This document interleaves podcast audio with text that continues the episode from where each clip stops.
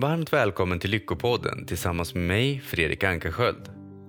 I veckans avsnitt kommer vi träffa författarna av boken Happy Food om hur mat och lycka hänger ihop. Och det fantastiska med boken är hur vetenskapsjournalisten Henrik Ennart tillsammans med stjärnkocken Niklas Ekstedt delar hur den medicinska forskningen visar hur psykisk ohälsa hänger tätt ihop med västerländsk matlagning. Och min personliga favorit är att utöver den senaste forskningen så skriver de även i boken om enkla recept som du kan använda för att göra en skillnad hemma i köket. Så, vad väntar vi på? Nu kör vi igång!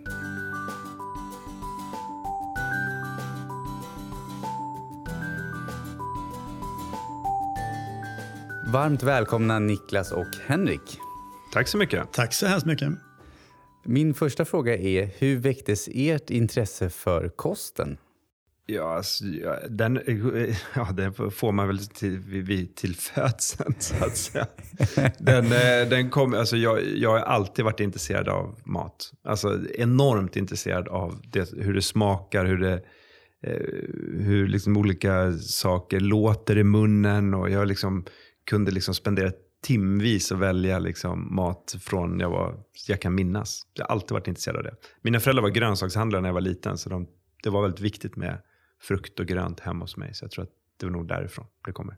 Det har nästan mer liksom, generna från föräldrarna? Liksom. Ja, från bröstmjölken. Liksom. Ja, jag, jag har alltid tyckt om att äta mat. Uh, inte lika mycket, det här med att laga mat har kommit senare. Men sen, uh, sen är det väl för mig, jag, jag är ju mer liksom att jag kommit in i det vetenskapliga via uh, mitt jobb kan jag säga. Jag började som konsumentjournalist och, och började skriva och tyckte att det som var mest spännande var kopplingen mellan mat och hälsa. Och, så jag har egentligen kommit in från liksom det diametralt motsatta, det mer teoretiska hållet, så, förutom att jag liksom gillar att äta mat. Uh, ja, men eh, är, man, jag äter mig inåt mot själva eh, tillagningen också. Sen har jag, jag har en fördel. Det, det, jag tror att en av anledningarna varför jag älskar mat så sjukt mycket, det är för att jag alltid är hungrig. alltså, jag, alltså, jag är konstant hungrig. Och jag menar, hungrig är ju den, den bästa kryddan, det är ju sen gammalt. Eh, och det vet ju alla som har små barn att du kan inte få barn att upptäcka en ny smakupplevelse om de inte är hungriga. Mätta barn kommer inte få nya upplevelser. Och, och, och som barn var jag liksom så här konstant så här, Åh, jag vill ha något att äta nu. Mm. Intressant du säger det, för, för jag stor del av livet har jag kunnat äta hur mycket som helst utan att gå upp i vikt. Ja, faktiskt. Så, det, så att jag, liksom, jag har inte haft det hindret så mot mat, nej. att man, man hela tiden... Nej, det gör jag däremot. Jag måste väga mig typ varje helg och kommer liksom söndagrutinen, den, sent söndag, då är det liksom en våg. Då väger jag mig för att kolla, liksom, för att det är mitt stora problem. Eller problem, eller stora liksom. Det är som alla andra, många, inte som Henrik då, men som jag. Att jag kan inte äta vad som helst. Jag kan inte heller det tyvärr. Nej. Eh, men jag brukar ibland se det som min fördel för att då har jag varit tvungen att lära mig att äta rätt. Mm. Eh, för hade inte jag haft någon begränsning så ja, jag tror inte det hade varit så hälsosamt för mig. Man brukar ju prata om så här pommes frites-människor som är smala på ytan men sjuka inuti. Liksom, att det, det, eller med feta inuti. Då, att man, eh, man kan, en viss grupp kan ju vara dålig hälsa fast man verkar må bra. Liksom. Så att det, mm. så att, um, det, man ska, man, det är lätt att luras av det där att man inte går upp i vikt faktiskt. Man behöver tänka på hälsan ändå. Mm. Jag såg en dokumentär om det. Då var det en kille som, han käkade nästan bara godis om dagarna. Mm. Det var typ det han levde på. Men han var pinsmal. Mm. Äh, men då körde de honom genom, så här, det är inte röntgen, men det är en, du kanske vet vad det heter Henrik? Så här MRI? Ja, inte, ja någonting åt det hållet ja. ja. Eh, men han hade lagrat enormt mycket fett kring organen istället. Just det. Eh, vilket de sa var ännu farligare. Mm. Mm. Även narkomaner kan ju gå ner väldigt mycket i vikt och alkoholister och så. Så att ja. de är långt från hälsosamma. Men nu är vi inne på ska vi säga, hälsosam kost också. Mm. Och lycka. Mm. För ni har ju skrivit boken tillsammans som heter Happy Food. Mm.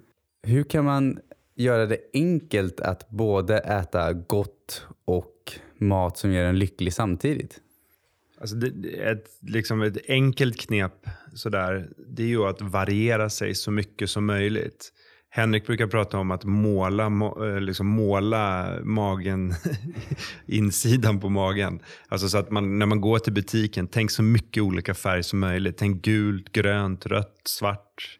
Eh, gå runt i butiken eller online om du handlar online och se till så att du får en så varierad kost som möjligt så att du inte hamnar i ett enspårigt träsk med eh, liksom grått, brunt fett och salt. Liksom. Mm.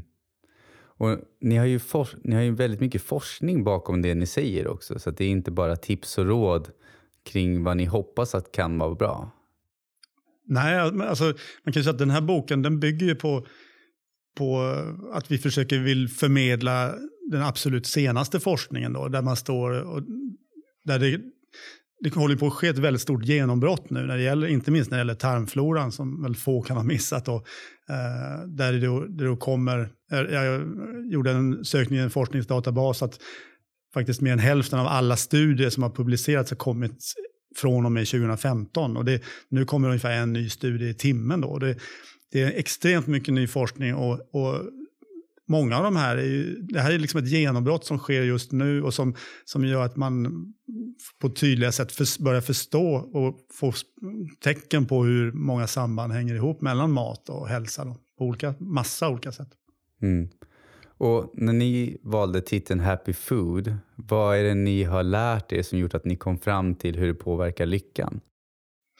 Alltså man kan ju säga att det som har hänt, det, egentligen handlar den här boken om två, det är två olika forskningsfält som möts och de möts just nu. Det är ena sidan den här forskningen kring tarmfloran och å andra sidan den här forskningen som har pågått i flera decennier kring, kring eh, mat och eh, psykisk hälsa. Då, med, där det började på, på 80-90-talet, man började med, undersöka med D-vitamin och folat och magnesium och zink och, och och eh, massa sådana saker som man då har gått vidare med och som ju faktiskt många psykiatriker rekommenderar redan idag, eller har gjort i många år.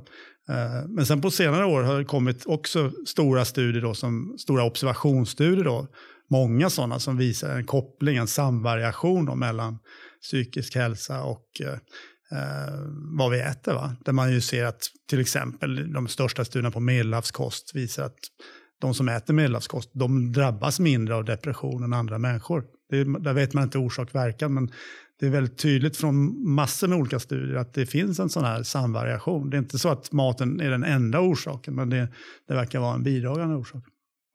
Och där, sen har det då på senaste året också kommit försöksstudier då, som fortfarande är små, men som, som, där man också ser det här, när man då går in och tittar och ger, behandlar personer med depression i små försöksstudier så, så, så har det mm, ungefär en tredjedel som blir klart bättre va? och till och med symptomfria. Och det, och det behövs mer sån forskning, men mm, då finns det ett antal forskare runt om i världen då som, som menar att vi egentligen redan där, att vi, vi befinner oss vid en brytpunkt nu där det, där man, det handlar mest om att utforma liksom behandlingsmetoder och att, man liksom, att, att lära sig äta det. Plus att det faktiskt mat, det, finns inga biverkningar direkt. Utan, och vi vet att, att äta bra mat är, väldigt nyttigt av massa olika skäl, andra skäl också. Va? Så, att, så att eh, det finns egentligen ingen anledning att vänta och, och se det här som ett komplement till annan behandling. Alltså bra mat förändrar ju en. Alltså ät, har man en bra diet så mår man bättre, man kan utföra saker bättre och man blir gladare och lyckligare. Eh, sen, kan, sen klart kan man debattera det här i all oändlighet, att ja, man ska inte förringa psykisk ohälsa och så vidare. Men varför inte äta bättre? Det, alltså, det finns inget, har jag hört, un, liksom, vettigt motargument. Varför ska man äta dåligt? Jag kan inte komma på något heller. Nej, det finns inget. Alltså vi behöver, vi behöver ställa om vår diet i den moderna människan. Det är ett av våra absolut stora utmaningar just nu. Eh, för, för, att mänskligheten ska må bättre och, och ha det bättre och, och, och, gå till en ljusare framtid så måste vi äta bättre. helt enkelt. Alltså man vet ju redan idag så är det ju, det, av WHO har ju slagit fast att, att dålig kost är, är en avgörande orsak till sjukdom och ohälsa i hela världen då när det gäller vanliga liksom cancer och, och hjärtsjukdomar och massa av de här västerländska sjukdomarna. Och samtidigt så ser man då att vi har en global epidemi av psykisk ohälsa som, som liksom lett till att eh, en stor andel av befolkningen medicinerar va, löpande. Och att väldigt mycket forskning börjar då tyda på att det finns en samvariation mellan dålig mat och, och respektive bra mat och, och hur man mår. Och då, eh, eh, då är det ju väldigt viktigt både att satsa mer på forskning kring detta men också att faktiskt ta till sig detta. Att, att hjärnan, huvudet sitter faktiskt ihop med resten av kroppen. Va? Det, det, mår vi dåligt i övriga kroppen så kommer det att påverka hjärnan. Och det, det är väldigt mycket forskning har ju också visat att det, det är inte de här det här är liksom inte, hjärnan lever inte i sin egen lilla bubbla då, utan den hänger ihop. Mm. Jag vet ju själv, när jag mådde som sämst en gång i tiden så levde jag liksom på Red Bull, cigaretter och Snickers. Och det är ingen så, bra diet. och sen så undrar jag varför jag aldrig, all, aldrig hade energi om dagarna till att göra saker. Uh, idag så är jag mycket mer intresserad av det ni skriver om. Jag har till och med provat en del av recepten. Ja, vad kul. Mm. Uh, och det jag gillade var att det är både enkelt och roligt samtidigt. Mm. Att det behöver inte, för jag tror vissa människor har en bild, eller jag kommer ihåg att jag hade det, att för att det ska vara gott så måste det vara krångligt eller ta hur många timmar som helst. Jag måste mm. bo i köket för att mm. det ska kunna bli någonting vettigt utav det. Uh, men med recepten som ni har skapat så har ni gjort det både gott och roligt samtidigt. Precis, försöker, jag, jag försöker alltid göra så, så enkel approach som möjligt därför att jag tror att ska, ska vi lyckas att få alla att ställa om. För vi pratar ju liksom om, i, i, i den här boken så pratar inte vi om att vi ska liksom vända en enstaka person som är intresserad. Utan vi pratar om att vi måste liksom tillsammans hjälpas åt att få en bättre kost. Alla måste få en bättre kost. Eh, och då, det är precis som att man måste få, som, som många initiativ just nu för att få alla barn att röra på sig mer. Barn behöver röra på sig 60 minuter om dagen. Liksom, alla barn behöver röra sig 60 minuter om dagen. Och det är likadant med, med liksom för, att, för att vi ska få liksom en, en, eh, en bättre eh, eh, liksom en, en bättre hälsa och må bättre och vara lyckligare så måste alla äta bättre. Och då kan man såklart, då, såklart inte alla kan äta quinoa, ställa om och börja käka quinoa imorgon. Liksom.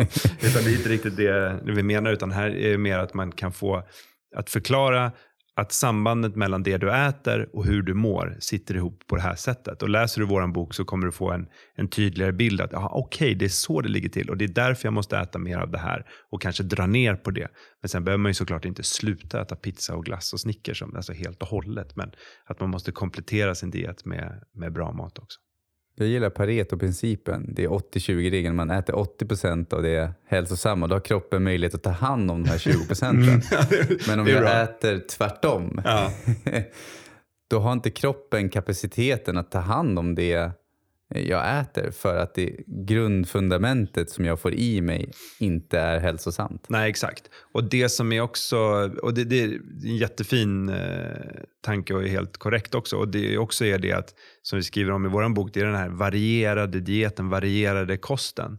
Att fastna inte i ett enkelspår, fastna inte i cig, Snickers och, och pizza som du sa, utan försök liksom att, det, är mycket ro, det blir mycket roligare också om man äter kanske, du behöver inte äta vegetariskt varenda dag, men ät vegetariskt på tisdagen och sen käka lite fisk på onsdagen och så käka liksom en, en, liksom en mycket gryn och korn på onsdagen och sen på torsdagen kanske du liksom dra av liksom en, en skön liksom pasta med, liksom avsluta med en dessert och sen, ja, du förstår vad jag menar, liksom, liksom variera mm. dieten och kosten. En sak som varit lite en aha-upplevelse för mig när jag håller på med den här boken, det är, det är att jag, jag har nog alltid sett att liksom den dåliga maten är liksom andra sidan myntet av den, den bra maten. Att de hänger ihop, att det är antingen eller. Men det är ganska tydligt när man, när man bara tittar på tarmfloran och hur vi reagerar. Att den dåliga maten, den är dålig men den bra maten är bra. Och de, alltså de, fast samtidigt, alltså, så att om man äter, om man har någonting dåligt på tallriken, jag menar, då, kan man, då blir det minus ett kan man tänka. Men om man på samma tallrik har någonting som är bra så blir det plus ett. Ja, då blir det minus ett plus ett, ja, men då är man uppe på noll. Då har det liksom kompenserat delvis, inte helt, men delvis. Men om man bara äter bra, då blir det plusset.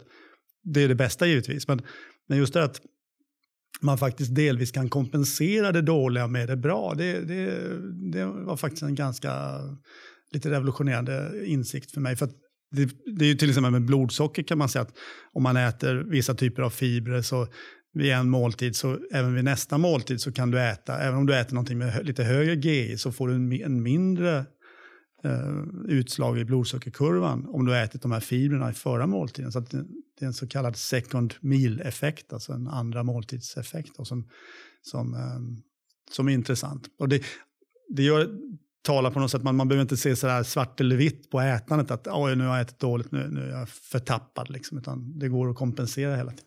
Och ställ mm. fram fler saker på bordet också. Det är också det är mm. någonting som är liksom, vi svenskar fastnar gärna i ett spår. Att vi ska, ja, nu, ska det, nu är det spaghetti och köttfärssås och så vågar man inte ställa fram liksom, någonting mer på bordet. Men som man ser till exempel om koreaner och även liksom vissa eh, länder i Europa, där har man liksom en mycket mer varierad kost. Att du ställer fram lite bröd, du ställer lite gryn, lite korn, lite surkål, lite eh, ja, någonting mer på bordet än bara liksom en skål med pasta och en skål med kött och kanske möjligtvis lite blad till sallad. Utan ställ fram mycket. Ta det du har i kylskåpet och ställ fram och, och avsluta gärna måltiden med lite frukt eller en liten dessert med lite blåbär i. Och så så att, jag tycker att man ska liksom inte vara så rädd för att blanda helt enkelt.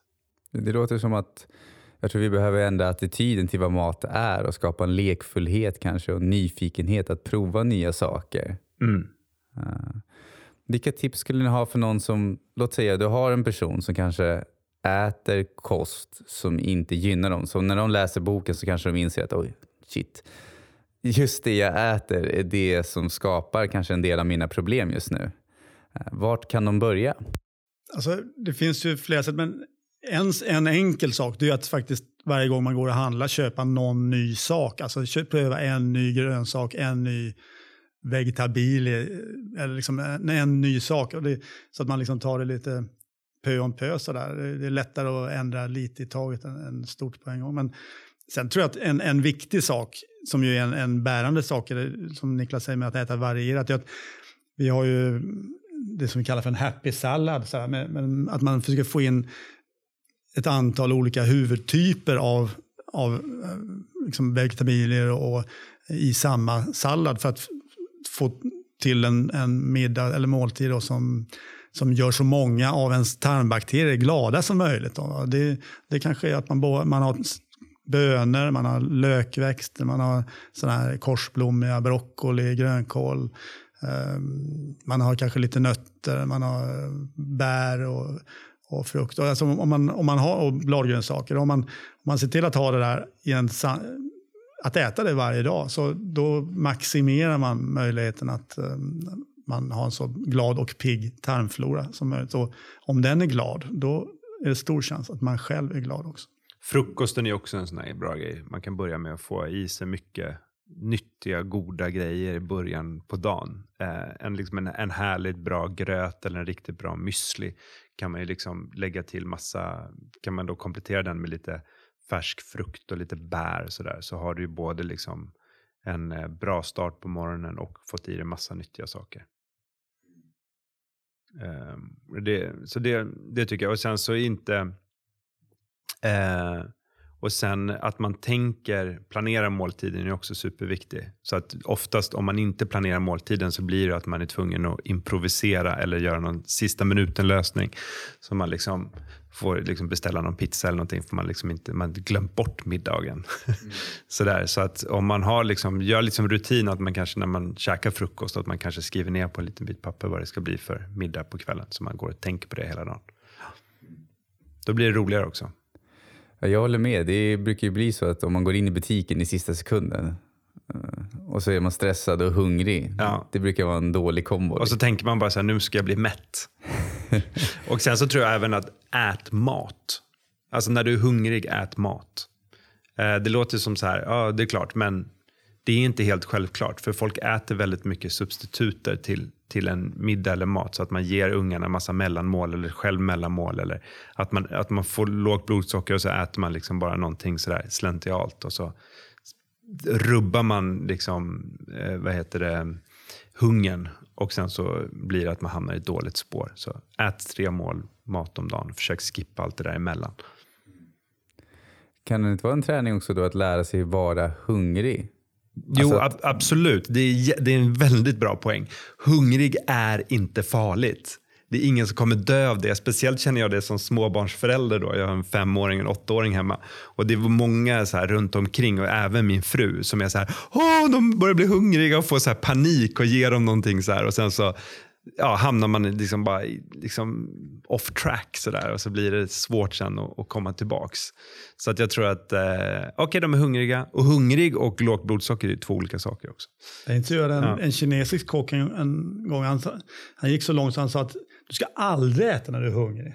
Överhuvudtaget. För då ska man dricka vatten. Drick, Ja. du, så här, hunger, för, hungerkänslan de dämpar man ganska lätt. Liksom man dricker lite vatten, bara Ja. fyller upp lite. Och sen, sen liksom, när man äter då ska man äta lugn och ro och tugga maten ordentligt. Inte Ja. slänga i sig. Ja, men det, det är en väldigt bra poäng. Eh, dricka vatten är någonting som, som, vi, som, är, som vi gör mindre och mindre. Därför att vi är liksom omgivna av eh, så här, lösningar. Det är någon automat på kontoret, det är någon 7-Eleven på hörnet, det, är liksom, det kommer förbi någon med mackor på tåget eller flyget. Så här, alltså det är hela tiden liksom så här, här, här har du någonting för att lösa ditt lilla problem du har just nu som är din hunger som egentligen inte är ett problem. Eh, och eh, ja, en, en vattenflaska är ett, ett superbra sätt att bara liksom hålla ut och sen eh, och, och även du börja med grönt. Man tänker som, som italienare, vi pratar om, om medelhavskosten, är också en jättesmidig där att du har en antipasti. Du äter någonting innan pastan. Pastan är inte, alltså kolhydraterna och stärkelsen är inte huvudmålet. Utan det, det, är, liksom, det är någonting som du äter i, som en tredje rätt. Eh, och det märker man ju med asiaterna också. Riset är ju inte huvudmålet. Utan det är ju någonting som man äter bredvid fem, sex andra grejer. Medan vi brukar ofta, vi, hamnar, vi svenskar hamnar oftast i den här lösningen att kolhydraterna och stärkelsen och det, det här eh, snabba eh, energin, den är liksom vid huvudmåltiden. Det är pasta bolognese, det är inte bolognese pasta. Det är liksom fried rice med grönsaker. Det är inte, det är inte fried eh, grönsaker med rice. Utan, så att vi liksom, ja, vi fastnar oftast i, i, i stärkelsen. Wow. Jag läste lite om gluten och vete. Vad är era tankar om det? Alltså det, jag tror framförallt det stora problemet är ju att eh, det har blivit en sån väldig ensidighet. Va? Man, vi har lite siffror i den här boken på, på eh, att jag tror det är 75 procent av all energi som konsumeras på jorden kommer från, från eh, typ 12 olika råvaror. Då. Och vete är ju en av de riktigt stora. Och, som går man in i en butik så finns det tusentals varor men det är nästan alltid något vete i. Och, så att ensidigheten är ju en sak som inte har varit bra. Va? Och, sen en, och andra saker är ju att det vete vi sen äter, det, det kanske då förädlats på ett sätt så att det innehåller mer gluten än tidigare. Man tillsätter gluten separat så att det blir ett väldigt, väldigt fokus på just det. Då. Och sen, och plus att vi då har eh, ofta då väldigt raffinerat, eh, man tar bort fullkornet, man tar bort de här höljet då, där egentligen mycket av mineraler och fibrer. Och, Och tillsätter bikarbonat och, och, och Ja. bakpulver också väldigt hårt Ja. i de här. ja. Precis, och, och summan av det, det är ju att vi får en, ut, en, en uttunnad tarmflora och, och sannolikt är det en, ett bidragande skäl till att allt fler då uppenbarligen inte tål gluten och reagerar och, och har olika typer av intoleranser. Då. Att, att vi får en så kallad dysbios i magen. Va? Vi har för få arter av tarmbakterier som, som gör att systemet blir eh, instabilt. Och till då- slut kollapsen. och till slut kollapsar. Ja. Och, då, och då, då är det egentligen bara ett uttryck för det. Va? Och, och det, det, det kan man verkligen se med forskningen och det modifierade vetet. Att, alltså vet, modifieringen av vetet och, och det moderna vetet har blivit bredare och bredare och bredare utbrett. Till slut så är det eh, idag nästan utrotningshotat. Så att man har liksom originalvetet och det vi åt från början och det som är som, som ve, de här länderna som hade en stark, liksom, stor del av deras diet var vete. Det, de äter inte samma vete idag. Så det, där, måste man nästan, där måste man nästan kulturellt gå och hitta liksom, kulturvete. Du måste liksom gå ner i, i liksom, fröbankar för att hitta det vetet som, som egentligen eh, konsumerades på de här geografiska platserna. Jag vet att till exempel Ehm, Dan Barber då i Blue Hill Farm utanför New York, där, håller de, där får de liksom skydda. De får liksom lägga vetefröna i skyddsrum för att den är så hotad. För att de här stora globala jättarna som, då, som tjänar miljardvis med kronor på den här eh, förädlade vetet som, som i stort sett har tagit över originalvetet. Eh, så vete är superspännande och en, eh, en, ett, en, en bov i, i det här dramat. Mm. Det där är intressant när det gäller egentligen de flesta produkter. Nu är vete väldigt stort, då, men, men eh, stort sett all, alla sädesslag, alla grönsaker, alla, även djur har ju för, liksom förädlats och framavlats för att bli så produktions... Alltså av ekonomiska liksom, incitament och för att, för att man ska växa snabbt, man ska, man ska få ut så mycket kanske protein som möjligt. Man, man, vissa nyckeltal som har styrt vikt, volym. Recept också, att det ska ja, vara samma. samma att, precis. Att det ska liksom, Enkelt, ja. Enkelheten, precis. Den här, mm. ja, absolut. Och det där gör ju att, att uh, vi måste ju på något sätt tillbaka till de här ursprungs, de här gamla sorterna på något sätt. Va, när det gäller allting. Och det gäller ju även kor, va, det gäller grisar. Alltså att det, det, här gamla är ofta nyttigare helt enkelt. Det, finns ju, alltså det, det, det, var inte så att man började, liksom, alltså det vetet, alltså de här grynen och, och äh, vad heter det, grödorna då som, som människan har konsumerat i tusentals år då, i, geografiskt och kulturellt. Det finns ju en anledning varför de har fortsatt äta dem. Hade människorna mått dåligt och dött av dem och blivit psykiskt ohälsa, då hade de ju tagit bort dem och börjat äta någonting annat.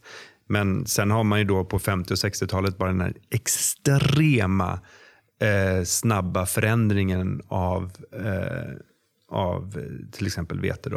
Och mm. Det har gått väldigt, väldigt fort. Och det, och det, och det ser man ju också. Att eh, effekten av nu, 20-30 år senare, att man har då byggt väldigt mycket sjukdomar kring de här grödorna. Så tror jag en, en viktig sak att tänka på när det gäller det här liksom vita, finmalda vetet, för det, det, var ju det var typ 100 år sedan man började med stålvalsar, så att det blir liksom egentligen damm. Om man hade tidigare stenkvarnar så, så var det lite grövre eh, struktur helt enkelt på mjöl. Men liksom, ju, ju finare damm det är, då tas det ju upp till stor del redan i tunntarmen och kanske början på tjocktarmen. Och, och nästan hela vår tarmflora finns i tjocktarmen och, och slutet på tjocktarmen. Så att om man äter vitt finmatmjöl av vad det vara må så, så, så tas det upp tidigare av våra egna enzymer, med hjälp av våra egna enzymer och det kommer att leda till större blodsockerpåslag helt enkelt. Medan om det når hela vägen ner, som till exempel bönor gör mer eller fullkorn gör mer, då blir det mat, då får det en helt annan funktion, för då blir det mat i, nere i tjocktarmen till, till bakterier som tvärtom tillverkar ämnen som är blodsockerstabiliserande och som, som eh, liksom bidrar till sundare slem, tarmslemhinna. Och så, så, att, så att kornstorleken, alltså grynstorleken har jättestor betydelse. Hur påverkar läsk där? För det, går, det är flytande till och med.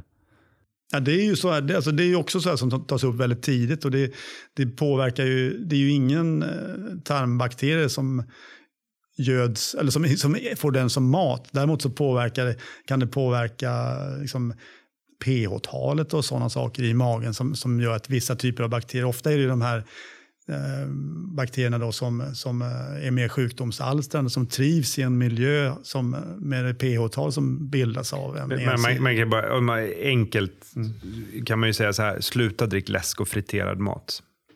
Det är bara att skippa det. Det, fin, alltså det, det, finns ingen som, alltså det finns ingenting som det gör gott.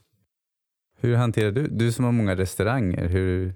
Eh, ja, vi serverar inte läsk. Ni gör det inte? Nej. Häftigt. Vi har ingen läsk. Nej, det har vi inte. Ja, jag är imponerad. Det är inte många som... Jag får komma och besöka. Det var länge sedan jag var på en av dina restauranger. Ja. Ja. Eh, nej, på Ekstedt tog vi bort det för tre, fyra år sedan. Och Tyger Cecil har vi det i torgförrådet om någon skulle fråga efter. Sådär. Ja. Men jag, jag, kan inte minnas att någon har frågat efter det faktiskt. eh, nej. Ja. Och när vi är inne på, för jag tänkte på, ni skrev ju om diabetes 3 som kanske börjar kallas och även omega 3. Vad har ni för tankar om de två? Det är två olika saker men... Mm. Ja, det är två olika saker. Men, men, äh, nej, men det finns ju en... Det, bland forskare så brukar man ju, så talar man ju mer och mer om, om det är bland annat AG och vissa processer som sätts igång i kroppen som triggas av, av um, högt blodsockerpåslag. Då. Det, och det, som ju bildar sådana AG då till exempel, då, som, som eh, man då misstänker kan hänga ihop med, med demenssjukdomar. Då. Så det, är ju, det, är ju, det är ju ett skäl åt att, att eh, eh diabetes har börjat kallas för diabetes typ 3. Liksom att det, eller vad Alzheimer har börjat kallas för eh, diabetes typ 3. Va? det, och det, det, alltså, man, det viktiga tror jag är att man liksom känner att det här... Alltså, för mig har det nog varit en ganska, om man tänker evolutionärt, va? Så, att, så började vi från början som en liten matsmältningsapparat. Va? Vi, var ju, vi var ju egentligen små, om man tänker en liten mask, ett litet urdjur. Det var ju så vi uppstod egentligen i någon urpöl. så att vi var från början bara en matsmältningskanal. Va? Och det var liksom, vi, vi var en tarm. Vi ja. var en tarm. Vi var en, vi var en tarm och den uppstod i en miljö där alla de här bakterierna redan fanns. Så att det, är liksom, det, är vi som, det, är inte, det är inte bakterierna som jobbar för oss, utan det är vi som jobbar för bakterierna. Alltså jag tror det är, rätt, det är en rätt viktig distinktion. Mm. Mm.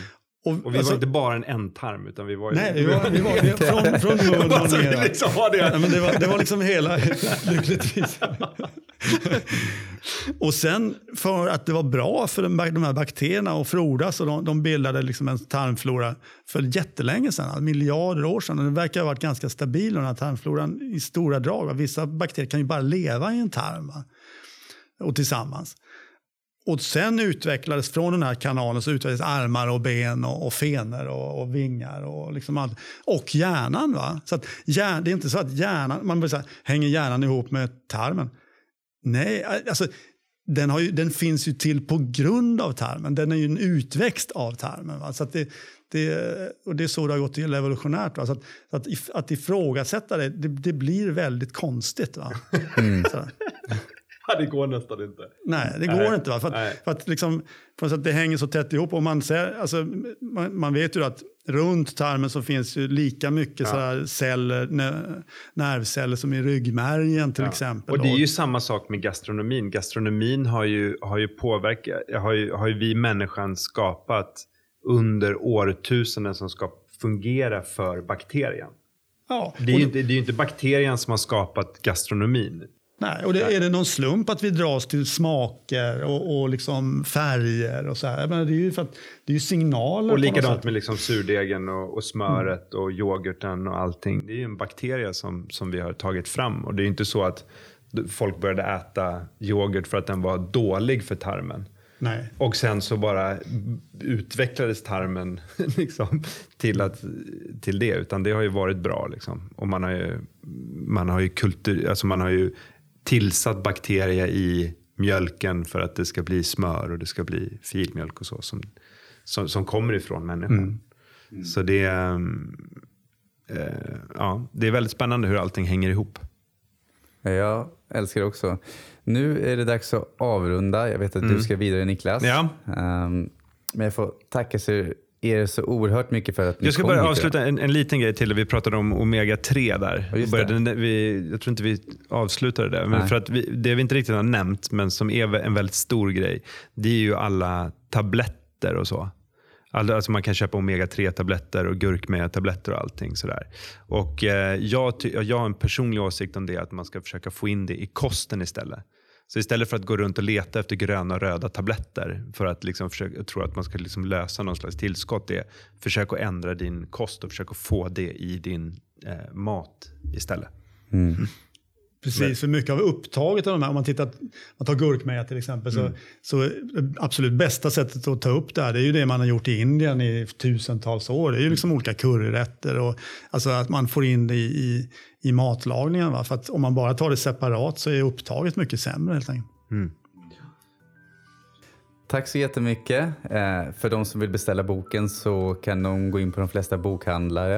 Eh, Pressbyrån vet jag säljer också. Är det, det sant? Ja. Press, Pressbyrån säljer vår bok? Jag vet, flickvännen hittade den här exemplaret på Pressbyrån. Strålande. Ja, mer än vad jag visste. Det är ja. bra. Eh, kan du köpa den istället för en Snickers då?